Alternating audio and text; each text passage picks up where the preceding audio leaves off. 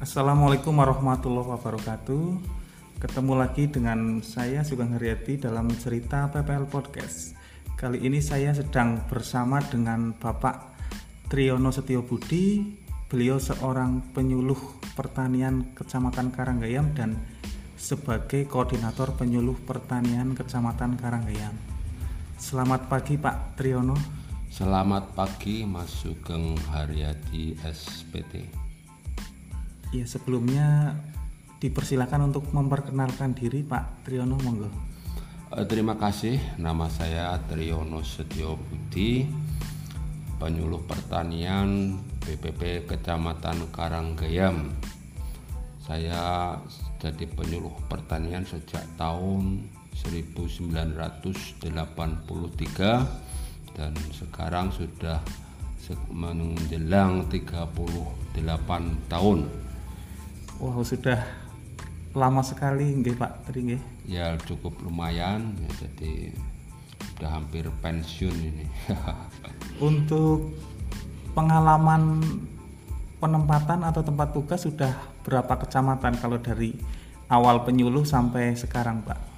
Ya pertama kali saya ditugaskan di Kecamatan Sempor, kemudian pindah Kecamatan Kuarasan, dipindah lagi di Kecamatan Karanggayam hanya tiga tahun, kemudian pindah lagi Kecamatan atau BPP Karangsambung, kemudian pindah lagi di BPP Buayan, Buayan pindah eh, Gombong, Gombong pindah lagi Sempor dan terakhir ke Karanggayam lagi. Jadi sudah sekitar tujuh wilayah yang saya tempati. Demikian Mas Sugeng. Berarti sudah ibaratnya kalau penyuluh itu pengalamannya sudah banyak sekali nggih. Ya cukup lumayan lah. Untuk saya ini saya melihat di media sosialnya Pak Triyono juga sering memposting tentang tanaman di sekitar rumah. Itu apakah sebagai hobi atau sebagai untuk mengisi luang waktu luang seperti itu? nih? Ya sebetulnya bukan hobi tapi dia seperti kebutuhan lah. Karena sebelum jadi penyuluh saya juga sudah tanam menanam khususnya di pekarangan ya. Kalau di lahan yang luas atau di sawah tegalan itu memang saya belum mampu atau karena tidak punya punyanya hanya di sekitar pekarangan hingga pekarangan itu saya manfaatkan saya intensifkan sedemikian rupa dengan tanaman-tanaman di dalam pot. Misalnya buah-buahan sayuran kemudian bunga-bungaan. Ya. bunga-bungaan itu ada kelengkeng jambu kemudian apalagi itu? Eh, sirsat jeruk ya pokoknya macam-macam buah-buahan yang bisa ditanam di dalam pot dan bisa menghasilkan gitu kalau sayuran banyak sekali macamnya. Ada muncang seledri kemudian cesim selada lombok atau cabai pokoknya kebutuhan sehari-hari lah jadi kita bisa mengurangi belanja cukup memetik di halaman pekarangan sendiri Untuk tanaman hiasnya jenisnya apa saja Pak? Kalau tanaman hias lah ini karena hanya selingan saja itu hanya untuk hiburan istilahnya. Kalau enak dipandang, ya, sedap baunya, kemudian ya bisa untuk eh, menghibur diri lah sehingga tidak ada rasa capek kalau kita melihat bunga-bungaan yang warna-warni, misalnya anggrek, kemudian apa namanya itu yang lagi ngetren itu apa ya? Aglonema ya. Aglonema kemudian eh, keladi-keladian keladi itu juga banyak macamnya. Ada joker ada keladi merah keladi eh, yang warna-warni. Ya pokoknya banyak sekali itu saya koleksi di depan rumah. Ya pokoknya tujuan saya hanya untuk menghibur diri supaya tidak jenuh tidak capek sebagai hiburan sehari-hari.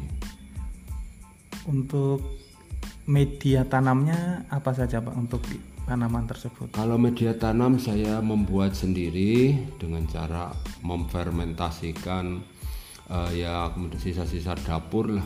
Kemudian kita campur dengan merang kemudian arang sekam tanah kemudian kotoran hewan. Itu kotoran hewan yang saya pakai kotoran kambing. Karena di sekitar saya banyak sekali yang berternak kambing. Kalau sapi kurang bagus kelihatannya perkembangan tanamannya juga kurang subur sehingga saya memilih uh, kotoran kambing. Itu saya fermentasi dengan EM4 kurang lebih dua minggu baru saya pakai untuk media tanam.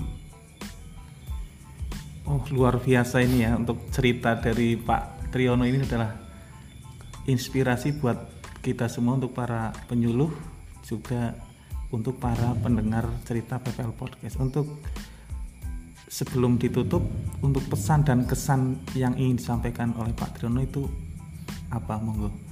Eh, pesan-pesan saya itu terutama untuk rekan-rekan penyuluh ya kita harus bisa mempraktekkan ilmu di sekolahan atau pengalaman di lapangan. Jadi tidak hanya kita bicara tetapi tidak bisa prakteknya gitu. Jadi istilahnya itu jarkoni bisa ujar tapi tidak bisa ngelakoni. Walaupun kita tidak punya lahan yang luas lahan pekarangan pun cukup untuk e, bercocok tanam. Ya tanam tanaman buah-buahan sayur-sayuran itu sehingga bisa meringankan kebutuhan sehari-hari sehingga tidak perlu kita belanja. Yang mana kalau kita membeli itu belum tentu tanaman sehat. Tapi kalau kita budidaya sendiri itu tanamannya bisa dijamin karena semuanya memakai organik tidak ada bahan-bahan kimia. Terima kasih Pak Triono semoga pengalamannya Pak Triono dapat bermanfaat bagi kita semua Oke, sami-sami Mas Sugeng saya juga mengharapkan sekali supaya rekan-rekan penyuluh tidak canggung untuk terjun untuk mengolah tanah ya. Jangan mengkotori tangan atau kaki dengan tanah jangan jangan apa namanya jangan istilahnya takut lah. Tapi kita harus uh, seperti petani itu. Terima kasih Pak Tirono jangan lupa dengarkan terus cerita PPL Podcast. Terima kasih. Wassalamualaikum warahmatullahi wabarakatuh